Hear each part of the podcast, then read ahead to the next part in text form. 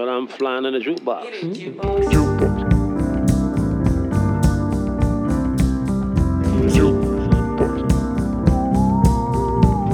The flying jukebox. Hej och välkomna till den flygande jukeboxen. En podd av, med och för musikälskare. Mitt namn är Patrik Stanelius och det här är podden där mina låtval förhoppningsvis sätter tonen för samtalet. Som ni hör ligger jag på beachen just nu och tar igen mig lite. Nej, jag skojar. Men snart är det faktiskt semesterläge. För podden i alla fall. Det här är säsongens sista avsnitt och vilken tur då att jag får sällskap av den fantastiska artisten Sibyl Attar. Det är ju helt galet men Sibyl är faktiskt inne på sitt fjärde decennium som artist. För det var i slutet på 90-talet som hon gick med i bandet The Tourettes. Och sen dess har hon hörts i banden Speed Market Avenue och Ingenting. Hon har gjort egen musik under aliaset Little Red Corvette. Tills hon till slut landade i att Sibyl Attar ska skriva, spela in och släppa musik som Sibyl Attar. The Flowers Bed, Sleepyhead, Palomas Hand och det nyligen utkomna albumet A History of Silence är namnen på släppen som vi har fått till skänks av Sibyl. Och det tycker jag verkligen att vi ska tacka för. Jag anser att Sibyl har en helt unik ingång på popmusik, ett eget sound och att hon dessutom är fruktansvärt bra på att skriva låtar. Och då brukar det ju bli bra. Något som är extra kul är att hon tog med sig varenda uns av sin berömda scenenergi in i poddstudion. Så det här är ett fullmatat finalavsnitt som börjar i 180 knyck och sen ökar det. Innan jag lämnar över så vill jag bara rikta ett jättestort tack till alla er som lyssnar, som hör av sig med glada tillrop och frågor och som hjälper till att hålla peppen uppe för den här podden. Den flygande jukeboxen har landat för stunden, men den lyfter igen om ett tag. Vi hörs om det. Nu, dags för samtalet med Sibylla Attar. Ha det fint! Sibylla Attar med skitmånga strängar på din autoharpa. Välkommen Tack. till den flygande jukeboxen. Och alltså performing artist since sent 90-tal, ljudboksinläsare Mm. och det här har inte tagits upp men jag skulle vilja börja med att prata om det. Typsnittsaktivist. Ja. Vet du vad jag är inne på? Ja, jag vet exakt. Comic Sans, Ja. aktivismen. Men faktum är att jag ska inte ta åt mig kredit för det. För jag jobbade med en formgivare som heter Hanne Lindberg. Som också jobbar under namnet Bergen. Som är en grym formgivare som har gjort asmycket schyssta grejer. Tidningen Ful bland annat då. Det var hon som övertalade mig för att när hon skulle göra ett, eh, typ, eh, formgivningen till det här omslaget så kom hon med det förs- förslaget och jag var lite så här.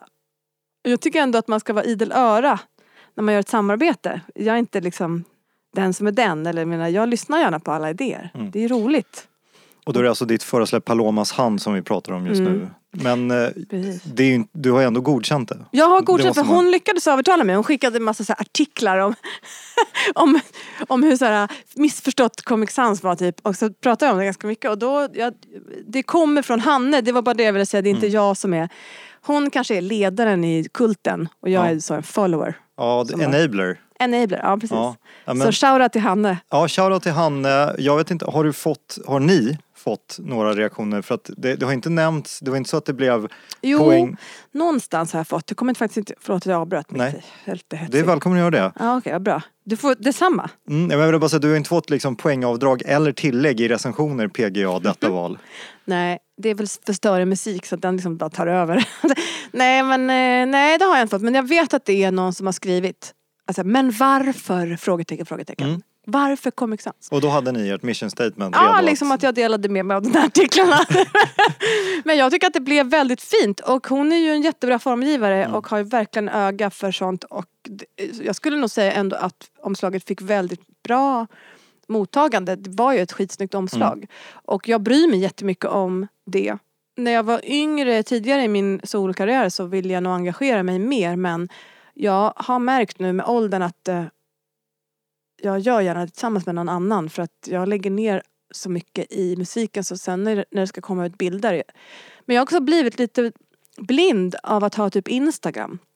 Jag vet inte vilka idéer som är mina egna eller eh, och jag, jag, det känns som att den delen av mig typ har blivit lite mättad.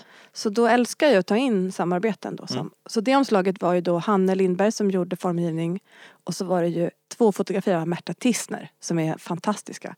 Och en av de bilderna som inte är på baksidan ser man ju bara, anar man ju bara en bild. Men den, när jag gör typ en jävligt konstig min. Den bilden var också väldigt fin. Jag har inte lagt vantarna på ett fysiskt ex av Nej men History fan, of skulle Silence. sagt till hade jag tagit med mig en. Det var inte det jag fiskade efter. Utan jag, jag har bara lyssnat på det digitala mediet. Men eh, typsnittsfantasterna där ute vill ju veta. Är det Comic Sans där också eller har det gått Nej, det över är till? La Rose. Heter den. La Rose. Och sen är det en, eh, heter typsnittet alltså. Och sen så har ju då Martin Falk som har jobbat som formgivare och liksom creative director för hela fotograferingen av omslaget. Där. Det är han som har gjort den här loggan och ja, det är också väldigt fint.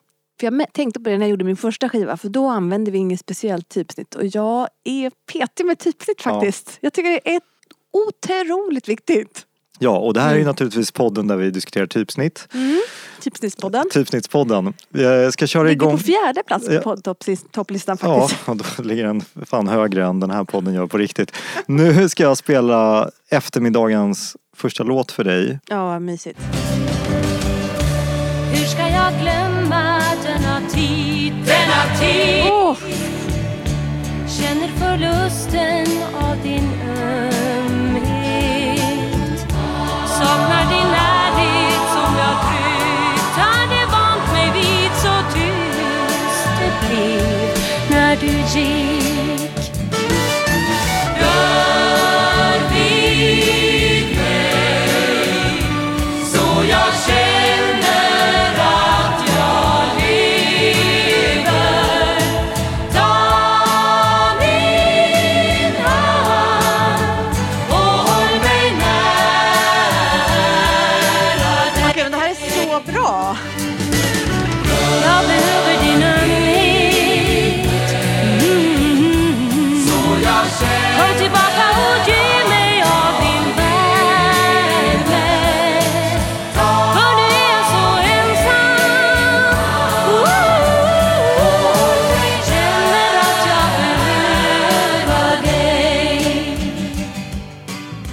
Rör vid mig. Mm.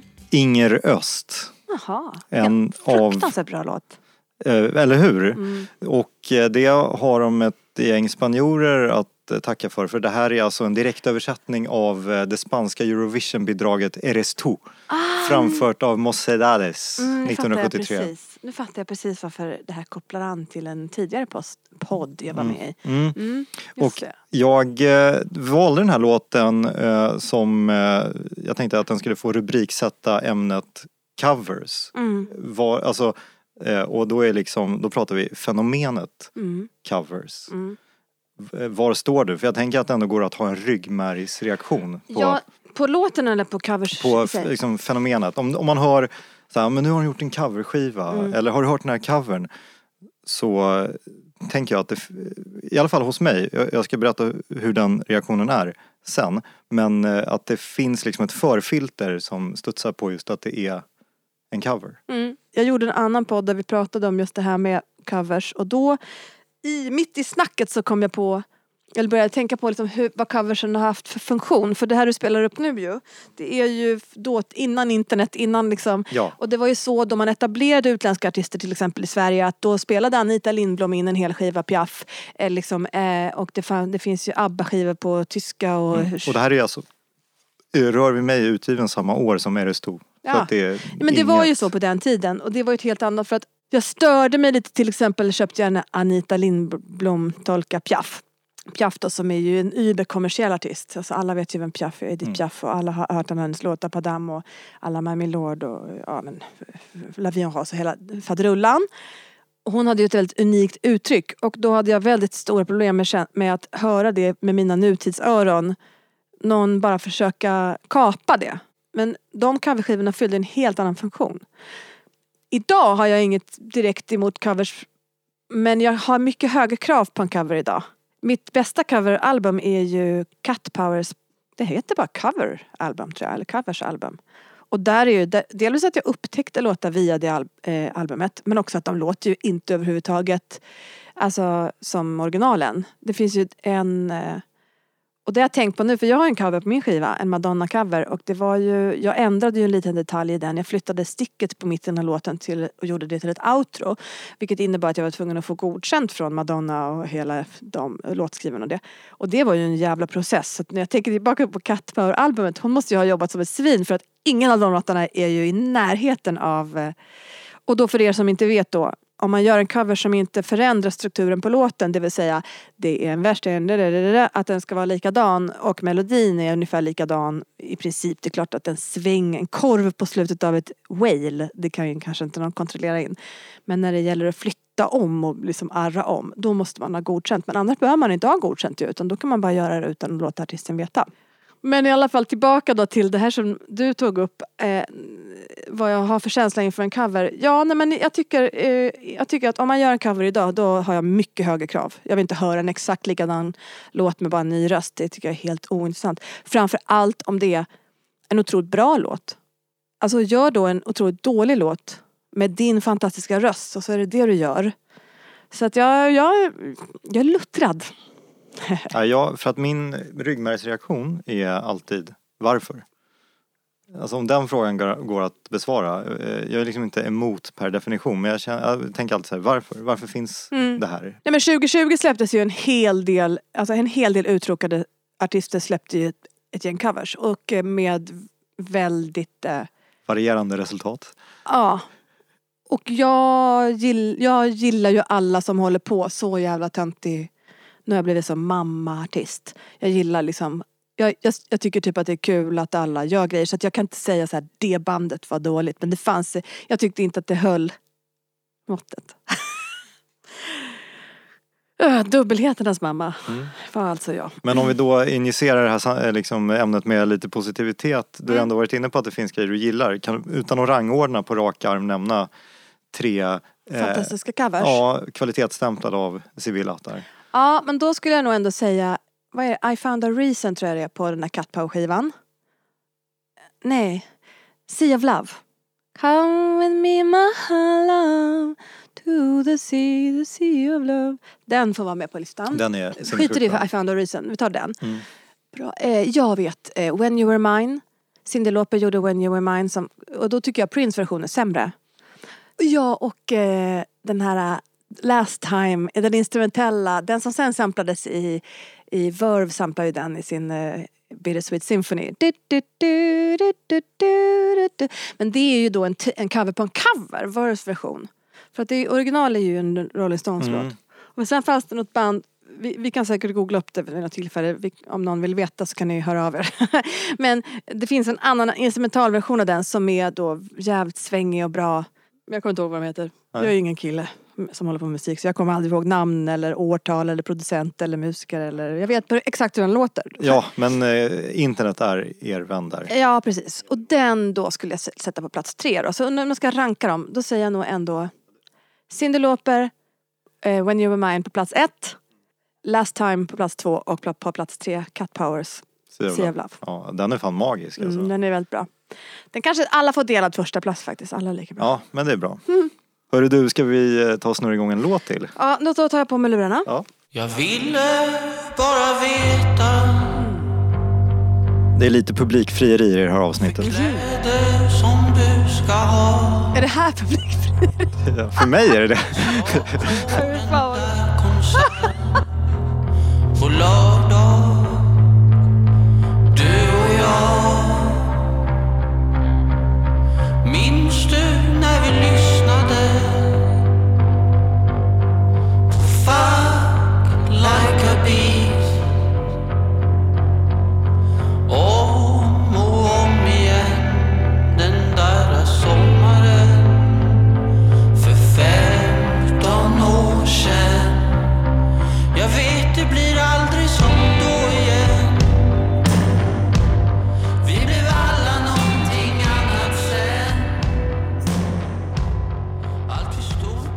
Fuck Like a Beast, titelspåret från Pascals kommande album. Det släpps nästa vecka tror jag. Den här släpptes som singel nyligen.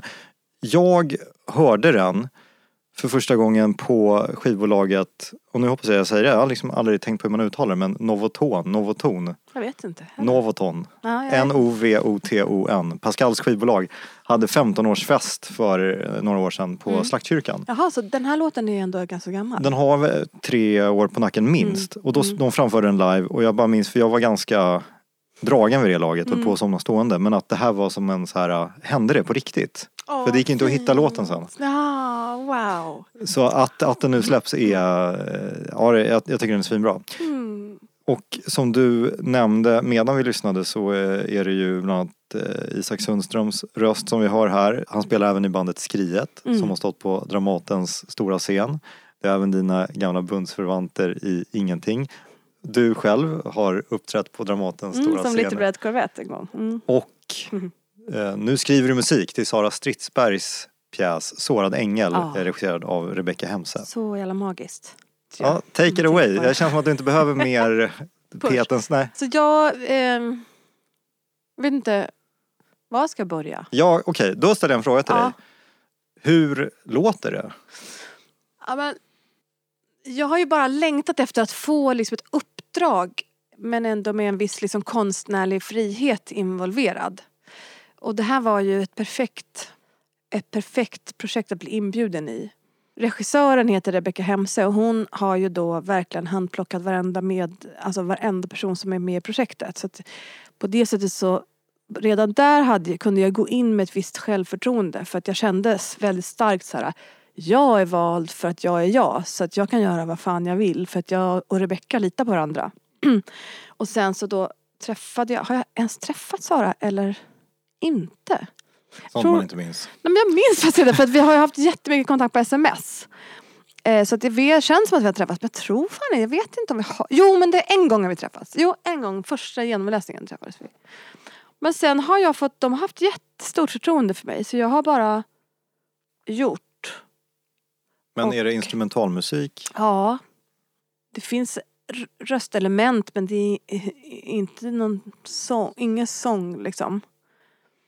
Det ska bli kul att spela upp det för alla sen. Alltså jag har ju också äganderätt till materialet så min plan är ju liksom att, att jag ska göra något vidare med. För jag tycker att det blev bra. Men det är också sådär, eller jag vet inte om jag tycker att det var bra förresten. För att jag, jag värderar ingenting just nu för att jag känner mig rätt så skör. Så att jag bara gör, men jag har sett till så att jag har möjlighet att göra vad jag vill sen med, med materialet i efterhand. Nej men det som har varit var ju varit att när jag började projektet så var jag så här, jag vill, jag gjorde ju hela A History of Silence i min egna hemmastudio. Jag har ju då, bor ju i en lägenhet med ett rum över som jag har inrett då som en studio. Det där, där skrev jag hela A History of Silence och mixade i princip och producerade hela den. Så nu har jag flyttat runt med den. Men när jag fick det här projektet så ville jag ju då komma bort från lägenheten och gärna ha någon annanstans att vara. Det finns ju studiolokaler i Dramaten men jag var inte intresserad av det där. Jag har ju aldrig varit en eh, en person som har varit i, i lyxiga studios. Jag har aldrig haft budget i det. Och jag lyckas ändå göra liksom half decent skivor trots det. Så att jag var lite mer så här Hörni, kan inte jag bara få nyckeln till Dramaten? Det är ändå inget folk här. Jag kan väl bara få sätta mig någonstans typ. Och det var ganska svårt men jag hade på något sätt kommit in med så här att de ändå ville väldigt gärna att jag alla lyssnade på mina förslag. Det var inte som att de var så här, åh vad hon är jobbig eller kom, kommer hon hit och ska rucka runt utan jag låg på så till slut slutade det med att jag satt i en, i en hiss. Det finns en hiss som har typ sex meter tak, en sån här sjukt stor hiss. Bredvid målarsalen där pjäsen då eh, ur eh, uppsättningen ska Eh, och så, så rullade jag in ett piano där, jag hittade en orgel. Jag också åkte till Dramatens ehm, heter det, lager eller, och letade för jag tänkte att de lär ju ha så jävla mycket trasiga konstiga instrument som bara ligger och skräpar. Och ingen inventerar så att jag bara, då åker vi dit. Så då jag och Rebecca Hemsa åkte dit. Så hittade jag en asfet eh, orgel där. Så att då rullade vi in, då körde de den och så var det en tekniker där som jag krävde att de skulle gå igenom den typen med någon sån här spray. Och sen så rullade de in allting i den här eh, hissen och sen så drog jag dit och så satt jag ensam i den här hissen. Och så skrev jag teman. Och, och, sen så valde vi ett tema och sen så har jag jobbat vidare runt det temat. Bara så jag förstått det rätt. Var liksom hissen det spacet som kändes mest on-brand för ditt skapande eller var det så extra bra reverb där inne? Det var ganska coolt ljud men det kändes mest att det var väldigt skönt att sitta där undanskyfflad i ett hörn. Sådär. Jag, fick ju ställa upp dörrarna så ingen skulle köra mig upp och ner Ja. för att jag var tvungen att få in el där inne. Alltså mina mickar och, och mitt ljudkort och mina grejer liksom. Det kändes jättehärligt att vara där så jag drog dit varje måndag under en kort period och så spelade jag in bara råmycket som kom rakt ut i huvudet. Och sen har jag bearbetat det materialet och lagt till och eh, du vet tagit bort och, och nu ska jag slutföra den här veckan hade jag tänkt då. Ja, nu i dagarna. Imorgon. Imorgon och övermorgon ska jag vara på Dramaten. Mm. Bonusfråga där. Mm. Hur är kronologin? För att Rebecca Hemse medverkar ju på eh, History of Silence. Ja precis. Vad kom först där? Din inbjudan till Dramaten eller hennes röst på din skiva? Det är svårt att säga för att 2019 så slutade jag jobba på alla extrajobb som jag hade. Och då sulade jag ju ut bara information till alla kontakter jag hade överallt. Hej nu kan jag göra vad du vill eller så här. Jag gör grejer nu så att hör av dig typ.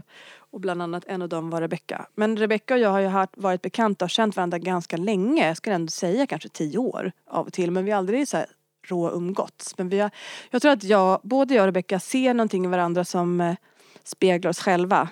Narcissister som vi kanske är. Eller vad man ska säga. Så att vi har ju dragits till varandra. Och det, nu när vi lär känna varandra mer så hör man ju varför. Det är inte så konstigt att vi har gjort det. Och det är samma sak med Sara tror jag. Jag, jag, jag känner väl inte Sara direkt men, men det känns ändå som att vi har Det finns ett rum i vårt sam, samarbete som är väldigt synligt. Och det var ett jätteskönt utgångsläge att jobba ifrån musikaliskt också.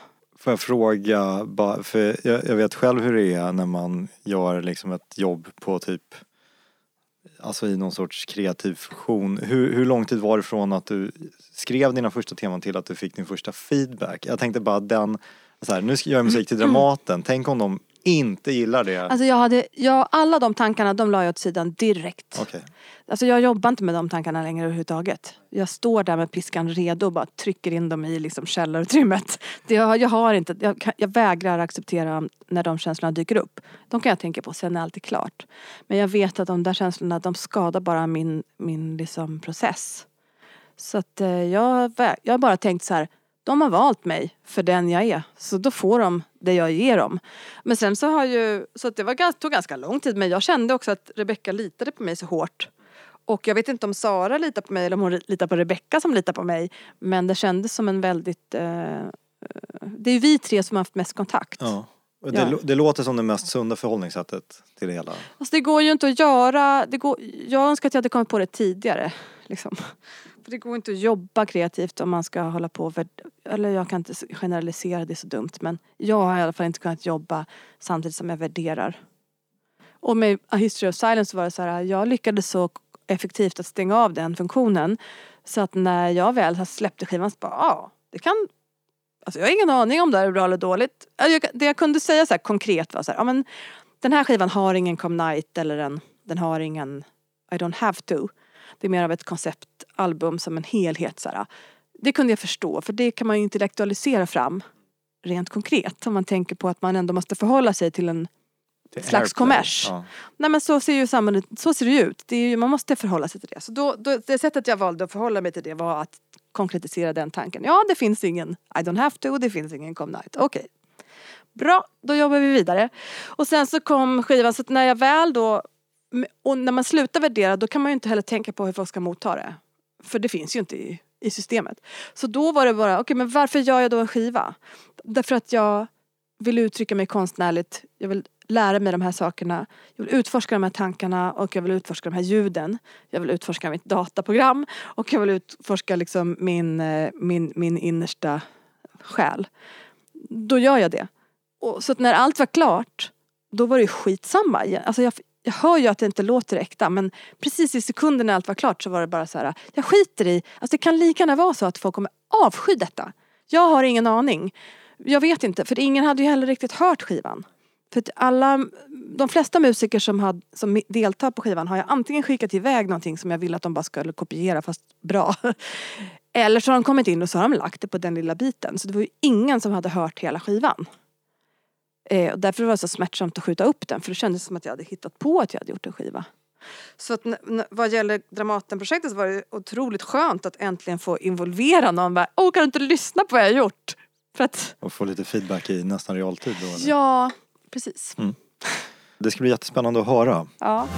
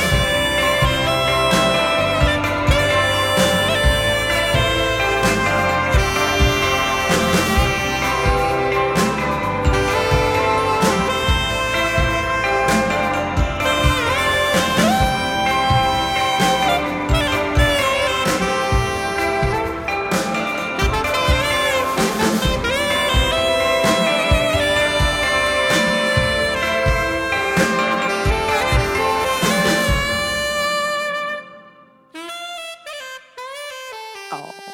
Varsågod Sibyl, du får ava. Det där var Why You Looking med Sibyl Attar. Och på saxofon Maria Arnqvist. Ja, ljuva toner. Ja. Och eh, alltså det är ju, jag tycker att det är en subkategori i sig när det kommer till saxsolon. Ja, Saxofonsolon som avslutar låtar. Det är 80-talsrunk typ. Ja, Mm. typ som eh, Sonny Rollins solot i Waiting on a friend. Ja, vilket, hur går det? Vilket är det då? Det är alltså från eh, Rolling Stones skivan Tattoo You. Just som Start det. Me Up med Jag på. tror inte att jag kan komma ihåg den låten. Nej, men det är ju, man ska inte, alltså jag tänker att det är strike one på att prata om Rolling Stones i den här podden. Men eh, det är faktiskt en väldigt bra låt med ett jättebra saxsolo. Mm. Oväntat att det skulle bli så Rolling Stones-tema. Mm, det var du som började. Ja, jag vet. Jag vet. Eh, Men då, eh, innan vi pratar mer om Rolling Stones. Rolling Stones och typsnitt så tänkte jag, på samma sätt som jag frågade dig om covers, Mm. så får du gärna lista ut, återigen utan inbördes ordning, men saxsolon som får de små kapillärerna i ditt hjärta att krusa. Men det är så roligt för att jag hatar ju saxsolon. Ja, och det är därför liksom jag har, ja men det är därför jag har slängt in den här för att skivan, skivan har ju liksom någon slags undertext, tematik utan att vara en tematik. Liksom att jag har gått tillbaka i en slags mindset där jag var när jag var 16, 17, typ 16, 15, mellan 15 och 17 då. Typ 1997 som en av låtarna också heter. Mm, just det. Det är ju sådär, för mig var det i alla fall som man äntligen hitta liksom sin musik.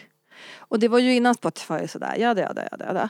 Så då letar man ju upp skivor. Jag kommer ihåg att jag hade en skiva, Drop 19 skiva som heter typ Delaware. Som jag letade efter i så här månader och sen hittade på Hötorget loppis, loppisen på CD för 15 kronor. Alltså det var en helt annan liksom och då, den här världen var ju den här liksom med saxofonsolon och, och så. Det hörde ju till någon slags kommersiell värld som man hade växt upp i liksom under 90-talet och 80-90-talet. Och det var väl för nära och också liksom fick symbolisera någon slags vuxenvärld tror jag. Så jag avskydde ju saxofonsolon. Saxofon överhuvudtaget. Det var ju liksom Michael Bolton, det var liksom det värsta man kunde tänka sig. Nu var ju kanske inte just Michael Balton en saxofon. Men du tänker på Kenny G ändå? Ja, Kenny G, eh, men alltså- han, för han samarbetade ju med Michael Balton och båda hade ju sitt hår och allting. Så att eh, jag tror att när jag väl, och den här heter ju Why You Looking At The Past, liksom att den, eller den, den jag sjunger ju Why You Looking At The Past, det handlar ju ganska mycket om att liksom acceptera och gå vidare och, men också inte heller skämmas för det som har varit. För det tror jag att man, i alla fall jag, eh, har kunnat fastna. Att man vill gå vidare men man kan inte acceptera det som har varit. Så att det går, då, sit- då är det ju stagnation i ett nötskal. Så att när jag gjorde den här låten så sjöng jag det och då passade, då liksom tematiskt så var det perfekt att liksom ha ett saxofonsolo. Men med det sagt så har jag ganska svårt att hitta. Jag lyssnade på den här The Bells skivan, eh, um, Lou Reed skivan The Bells. Där är det ju en hel del fräsiga saxofoner. Men jag har ingen kärlekssaxofonljud egentligen sådär utan det här är typ den. Alltså det här fick, fick mig, fick, det är mer en symbol. Och jag tycker, nu idag kan, tycker jag om saxofon, jag kan tycka att det är underbart. Men i den här låten är det mer som en symbol händelse. Och sen är ju Maria liksom en extremt bra musiker, en otrolig människa. Och eh, kolla in alla hennes andra, hon spelar ju Desiree Karlsson men hon har ju spelat med jättemycket och, och hela tiden. Jack och Eino. Kalle. Ja hon fick ju gästa då som sagt så det var ju min mesta starstruck. Hon fixade en biljett till den spelningen åt mig också och så kunde jag inte komma för jag hade typ vabb eller någonting. Hemskt. Men så att eh, jag har inget bra svar på den där frågan. Ja men svaret är inget svar. Nej precis. Ska vi ta och eh, snurra igång en jävel till? Jag tänkte först fråga dig, vad är din relation till eh, Nicke Grotta? Nicke Grotta, vem är det? Nick Cave. Jaha! Jag älskar ju Shivers, alltså um, Birthday Party-låten. Den har jag faktiskt spelat in en cover på en gång. Nu är det inte hans musik som jag pratar om just men han har ju någon sorts eh, Ja vad fan ska man kalla det? Brevkolumn på nätet. Mm, mm, den är ganska roligt, Den är superkul och Mm. där har han pratat om ett begrepp som han kallar för hiding songs. Okej. Alltså låtar som man kan gömma sig i. Alltså så här, Mm. en evig tillflyktsort i en stormig Åh, tillvaro. vilken bra... Uh, nej, men jag, jag älskar honom ännu mer nu när du säger det där. Mm. Jag är så onödig och ointresserad av personkultar. Jag har nästan ingen idol på det sättet. Nej. Och oftast när jag haft en idol eh, så kan jag ha, sen när man träffar dem på olika, jag minns att jag träffade Björk 2004 på en svart halloweenfest i New York. Allt var svart, allt, alltså maten var så här färgad med bläckfisk svart och så här. Och alla var så här jättefancy och posh. Jag kom dit och Björk var där och jag, alltså det var skit och soft att träffa henne och hon var min största idol. Varför ska hon, hon behöver väl inte vara soft mot mig? Varför, ska jag, varför förväntar jag mig det överhuvudtaget? Jag var ju 23 då. Ja. Jag bara menar att eh, jag är inte så intresserad av personkulten. Det är därför jag tror att den här tiden vi lever i passar mig så jävla dåligt rent kommersiellt. Alltså jag är så ointresserad av att av, för alla nu, fatt, men unga nya artister eller också kanske vissa äldre artister som är bra på det men liksom det här med Instagram och vara så tillgänglig och personlig hela tiden. Jag har en jättestark och tydlig liksom gräns och den gränsen vill inte jag passera. Med det sagt så är du ju väldigt flitig på eh, Instagram. Jag kämpar på, jag fattar ju att, jag att jag behöver göra det. Men då för att knyta tillbaka till det som jag började snacka om. Jag tänkte köra en av mina gömställe-låtar.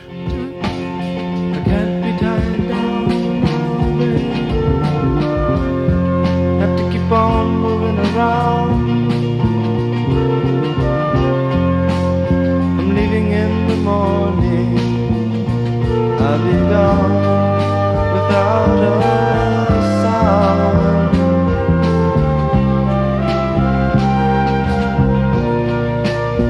been with you six days now, baby, baby, six days and Sex långa dagar. Där, då, sen var det nog. call my name and I'll be gone. Sunrise number seven. Fan vad osoft. Tja då. Jag skrev en låt till dig på min LP. Det här är det amerikanska bandet Green. Låten heter Sunrise Number 7. Albumet heter antingen Sunrise Number 7 eller så är det självbetitlat Green från 69. Mm. De släppte typ en fullängdare till 71. Det går inte att hitta jättemycket info om dem. Låtskrivaren och eh, st- orkesterarrangören heter Wilson Fisher. Mhm. Och så fanns det också en kille i bandet som heter John Martin men det är med i, alltså inte den här uh, brittiska. Inte Martin. Nej. Nej, jag fattar. Ja, Ja, jag tycker den här är... Förlåt att jag bitchade lite om Nej, jag tycker den är töntiga texten. Jag tycker den är Den så, var fin, texten, Den är så alltså. bra men det är också väldigt kul för att det är lite så här uh, antitesen till uh, By the time I get to Phoenix. Mm. Det är som du sa medan vi lyssnade, det är liksom en ganska öm kärleksfull Mm. låt eh, musikaliskt. Men textinnehållet är verkligen så här, vi har polat i sex dagar, dags I'm att outta git. Ja. Nej men det är roligt med sådana här gamla låtar. Det, är så, så, det här blir, det är ju ganska intressant nu. Pågår det ju en ganska vild diskussion, eller den har väl lugnat ner sig nu. Men det här med verk och person och sånt. Just det. Eh, som har pågått i, över hela världen skulle jag ändå vilja säga. Fram, framförallt också efter metoo-grejen. Men nu då i Sverige angående jazzin och hela det där kriminalitet och ja, verk och person. Eh, och det blir ju oftast inte så bra samtal tycker jag i media. Men jag tänkte på det för jag lyssnade på just Yasin-skivan. Eh, jag har aldrig lyssnat på den så jag, och jag har bara typ hållit mig utanför hela grejen för jag bara tyckte att det har känts ganska hjärndött. Liksom. Alla sidor, höger till vänster och för och emot och allt bara känns såhär lite hjärndött. Um, det finns ju låtar som man älskar som har helt störda texter liksom. Och det är svårt att sluta älska dem ibland. Fast det är så. Ett bra exempel är ju då Loudon Wainwright III's uh, eh, Motel Blues. Uh, I write a song for you on my LP Come up to my hotel room and sleep with me Som bara är en sån här äckelpedo groupie-låt liksom. Och sen då exakt samma ackord gjorde då Loudon Wainwright III's dotter Martha Rain Wainwright gjorde ju då en parafras på den som det kallas när man Det är exakt samma ackord i hennes uh, You bloody motherfucker alltså. Och det är så bra öppning det där äh, Poetry is no place for a heart that's a whore. De sjunger det till sin pappa. Det är liksom ändå väldigt så här äh, mic drop läge. Och då, där tycker jag att det blir ett bra konstnärligt verk som fortsätter leva. Det tycker jag är mer konstruktivt och underbart att se på det på det sättet. För då får ändå, för att även Big Star gjorde ju en äh, cover på den där Loud Down Wainwright the third låten som är jävligt bra. Det finns en demoversion av den som är väldigt bra. Um, det är knepigt det där. Framförallt också som kvinna som jag har aldrig fått plats i någon historia liksom.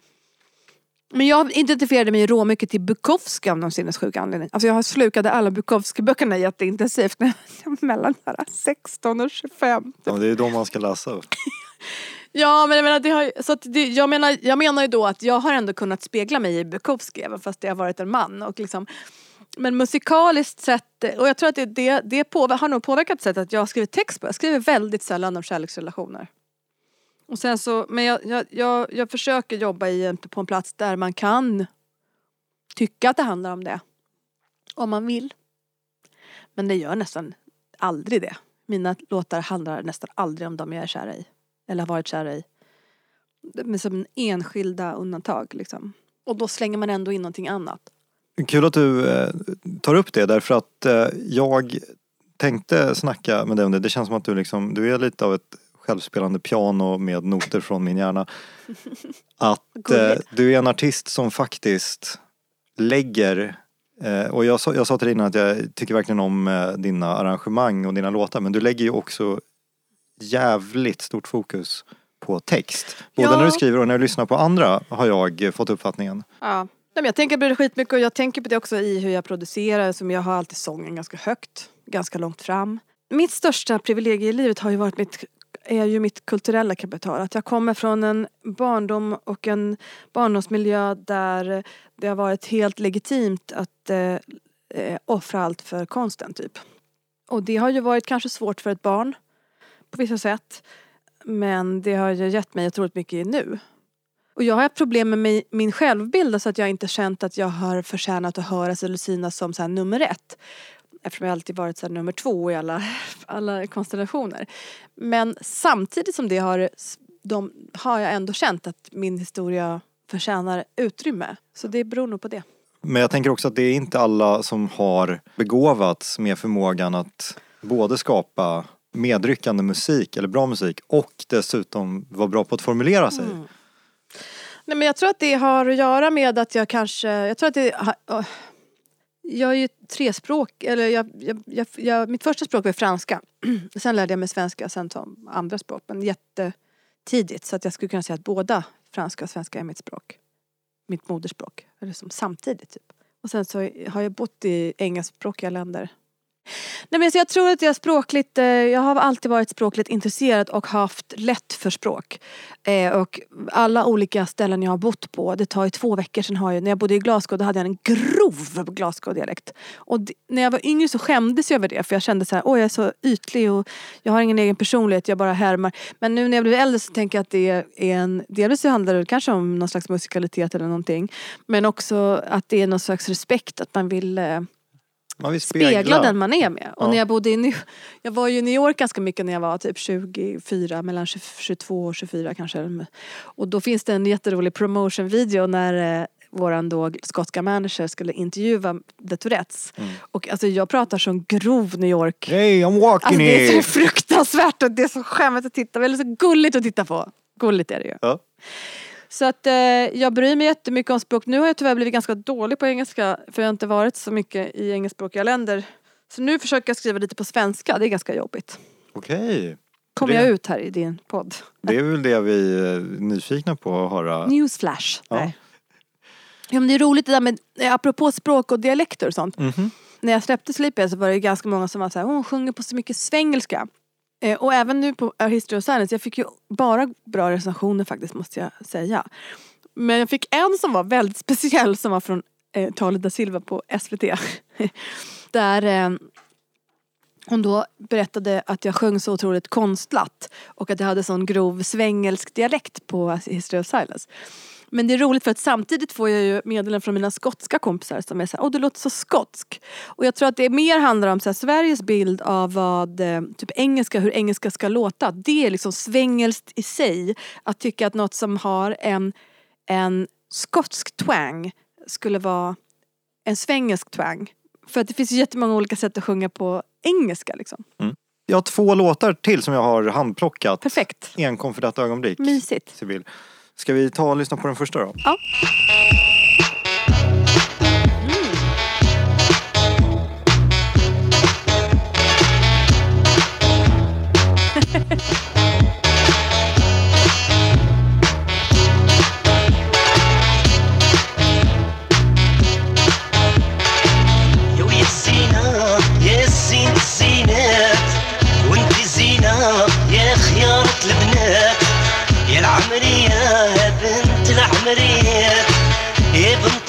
سطيف يا زين تصطفيات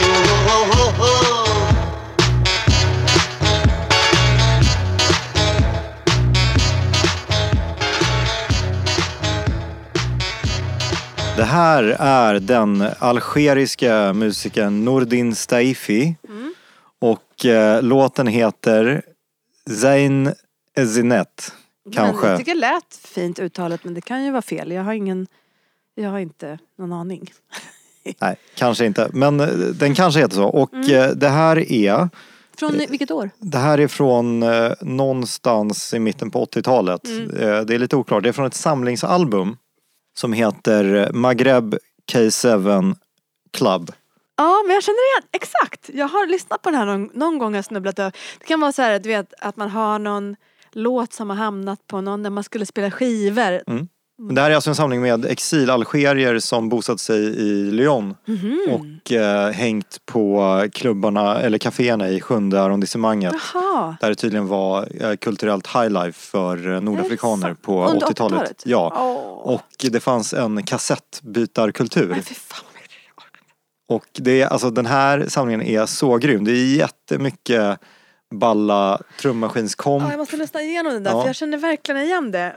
Jag tycker den här låten, det skulle, här skulle typ kunna vara något som Mick Jones rattade in på Mm. sin AM-radio när han satt och försökte spåna låtar till Big Audio Dynamite. Ja säkert. Så att det här, det här liksom funky riffet. Mm. Ja men grymt. Det där vill jag kolla in. Ja, och då finns det ju en koppling till dig här. Ja, jag förstår. Och jag tänkte fråga, har du någonsin tänkt på att göra den där grejen? Alltså typ som att Ken Ring åker till Kenya bygger en studio. Alltså Tarek Taylor ett- åker Nej inte... Ja, och gör ett men, matprogram. ja. Jag kanske skulle gö- göra det där som David Batra, den sämsta Indien. Det skulle vara så den sämsta algerieren. Nej men så här är det med mitt algeriska ursprung är ju då att min farfar kom från Algeriet men han flyttade till Frankrike liksom innan revolutionen. Så han ville ha ett bättre liv liksom. Mm. Sen är det väldigt svårt att få information från, från min släkt om det här och eh, jag kan inte säga så mycket mer utifrån min individuella familjehistoria. Men det jag kan säga är ju att Frankrike har ju ett problem med sin kolonia, eh, kolonialhistoria och eh, Algeriet var ju ett otroligt drabbat land och jag tror att precis som eh, hur diskussionen ser ut idag liksom världen över och i Sver- Sverige i allra högsta grad liksom för inte så länge sedan var det någon artikel ute som var så här ja, men som goda och eh, dåliga invandrare typ. Alltså, det har funnits en slags diskussion om hur, hur invandrare liksom porträtteras. Men också så finns det väl också en diskussion där liksom invandrare emellan kanske. Det här vet jag ju ingenting om men jag kan bara tänka tillbaka. Jag har vissa beröringspunkter i det här som jag inte vill prata med radio riktigt. Nej. Jag tänker liksom ens självbild versus den nya platsen man kommer till. Versus vad man eh, ger vidare till sina barn. Versus hur man då förhåller sig till världen. Och eh, jag tror att även om man inte är en, eh, nu pratar jag generellt, även om man inte är en flykting som flyr krig eller revolution då i kanske Algeriets fall så tror jag att eh, självbilden påverkas av varifrån man kommer och, och framförallt om man då flyttar till sin härskares land. Alltså när det kommer, när jag tänker med Frankrike och den, deras eh, härskarbeteende. Jag tror att det är svårt. Och eh, jag tänker att det är sånt eh, som går ner generation efter generation.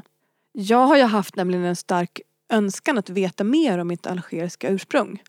Det, det finns inte så mycket information för mig att hämta. Nu vet jag var i alla fall nu på senare år har jag fått reda på vilken stad vi kom, eller min farfar kommer ifrån i alla fall. Så jag har bestämt att jag ska åka till den staden någon gång. Eh, men du vet det är ju så här också när man, jag är ju uppvuxen i Sverige, jag är, eh, är vit och sven, passerar som svensk i nästan alla sammanhang. Jo, även om jag har ett eh, fransklingande förnamn och ett eh, arabiskt klingande efternamn, eller algeriskt klingande efternamn så nu är jag ju blekblond och bleka ögonbryn och så här så nu passerar jag ju verkligen men även när jag hade mitt svart mörkbruna hår det jag, vill, det jag vill komma till är ju att jag har ju jättemycket privilegier tack vare det. Också för, gentemot min egna släkt. Mm. Och jag tror att min önskan att liksom lära mig mer om mitt algeriska ursprung har inte kanske alltid tagits emot så bra för att jag kanske inte själv har känt, känt igen liksom den, de privilegierna jag har. Att jag rotar i någonting som kanske inte är så enkelt för andra att röra vid. Ja, men jag förstår precis vad du menar. Men då pratar jag också, liksom, det pratar jag om lite grann på skivan också. Att så här, eh, framförallt jag hört mig, liksom, jag eh, hört mig ju ett slags samarbete också med min kompis Aurelia Lusch som också är halvsvensk eh, och halvfransk. Så jag vet inte, jag, tror, jag minns inte om hon har något, nej jag tror bara att det är fransk. Men just det här hur man förhåller sig också till att det inte vara helt, eh, alltså eh, Frankrike är ju ett rikt västerländskt land så det är inte som att så här, jag förhåller mig till mitt eh, icke-svenska. Det finns ju olika sätt att titta på det där. Och jag som sagt har ju bara haft privilegierade, det har ju bara givit mig det är inte som att jag är utsatt för rasism eller någonting. Absolut inte såklart. Helt självklart. Men alltså att, eh, att inte känna sig helt identifierad med en plats behöver ju inte alltid vara kopplat kanske automatiskt till trauma som är generellt utan det kan ju vara individuella trauman som har med, med ens identitet att göra. Och jag tror att nu har i alla fall jag hittat ett sätt att förhålla mig till till exempel mitt franska ursprung som jag känner att jag kan äga själv. Och jag fyller 40 år i år. Det tog ganska lång tid. Jag tror att det har att göra ganska mycket om hur man har, vad man har för relation till sina föräldrar och eh, hur man själv förhåller sig till sina föräldrar. Att, eh, att ha, visa hänsyn också till sina föräldrars historia. Men det kanske krävs hänsyn tillbaka också. Det, det är alltid en ge och ta. Får vi göra en to be continued på det här? Därför att nästa och sista låt som jag ska spela för dig är en fortsättning på det här temat. Men gud vad spännande.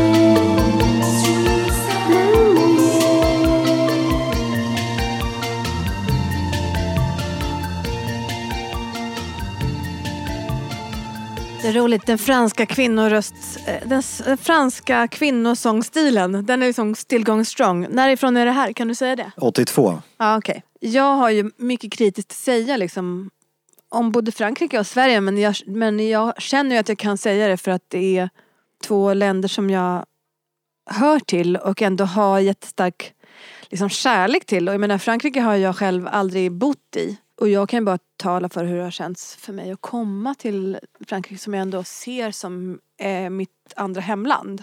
Men som jag sa tidigare när vi lyssnade på en annan låt så just nu har jag lyssnat jättemycket på den här Christine and the Queen. Ja, Queens. Queens. Och eh, jag är för... ibland så är det ju sådär med kommersiell popmusik att någonting bara typ talar till en. Och det finns en låt, två låtar som, från den där en skiva som hon har släppt som jag har varit så jävla besatt av. Och hon sjunger ju inte på det där franska sättet.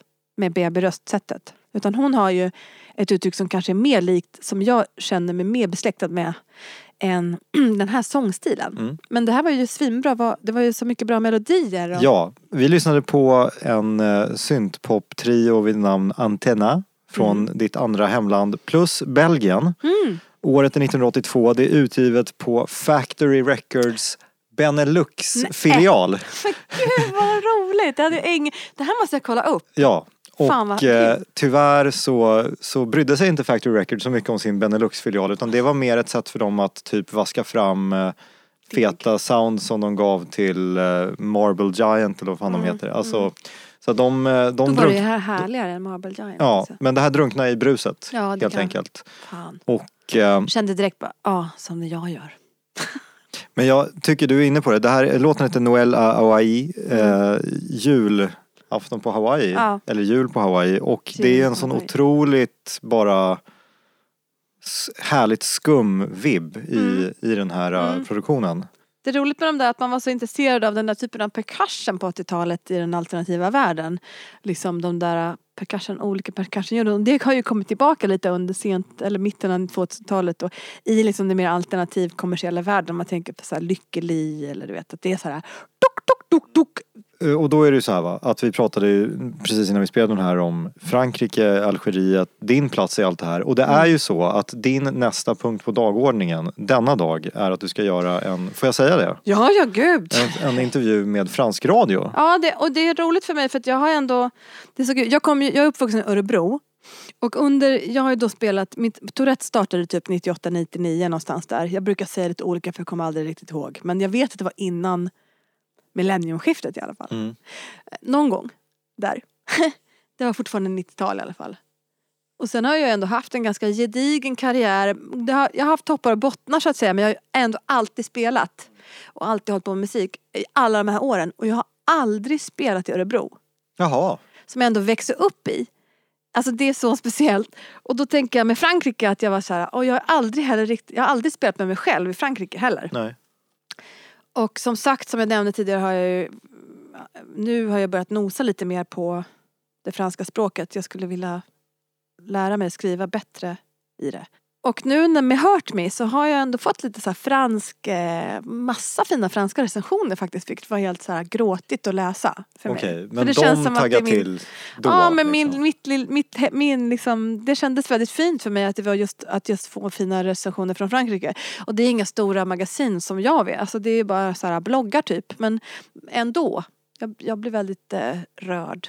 Så min fråga, det jag var nyfiken på var, Mm. och det har du ju i princip besvarat, men liksom din, din artistrelation till den geografiska platsen Frankrike och att så här, du vet man snackar om att vara big i Japan, men Mm.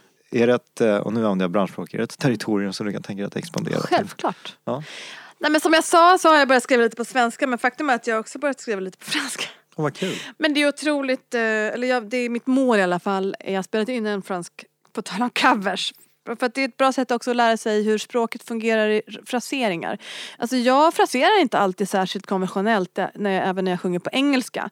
Jag gillar ju annorlunda fraseringar. Eller jag gillar att pressa in ord i musik utan att det låter som att man har pressat in dem i musik. Sen tycker jag att det kan vara fint när man liksom betonar någonting på ett sätt som inte någon har tänkt. Alltså när man förstärker ett ord på ett sätt liksom. Um, så jag behöver ju bli bättre på franska. Och jag pratar väldigt sällan franska, Mm. tyvärr. Jag skulle ju behöva liksom steppa upp lite. Och bo- jag tycker det är intressant nu när jag också försöker skriva på svenska att, det är ett helt annorlunda sätt att approacha text på. Att jobba på svenska.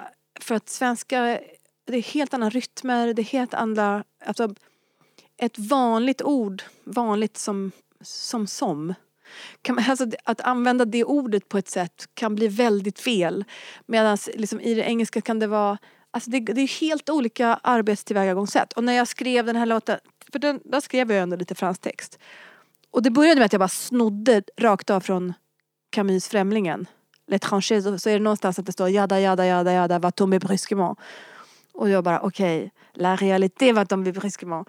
Det kändes så här bra. Och, och där började det och sen bara hit, bara liksom, det är ju jättekonstigt egentligen text.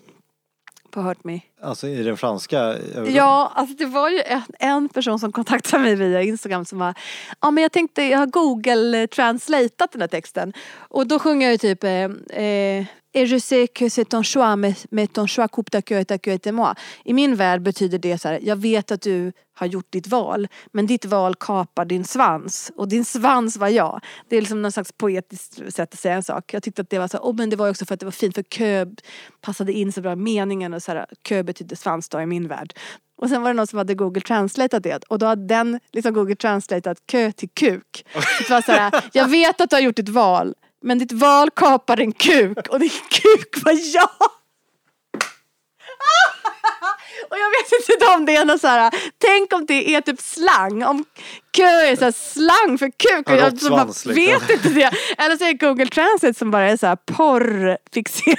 Känns, känns som att det här kan dyka upp i din franska radio. ja men det får vi se, jag återkommer. Jag, jag skriver om det på Instagram sen eller något.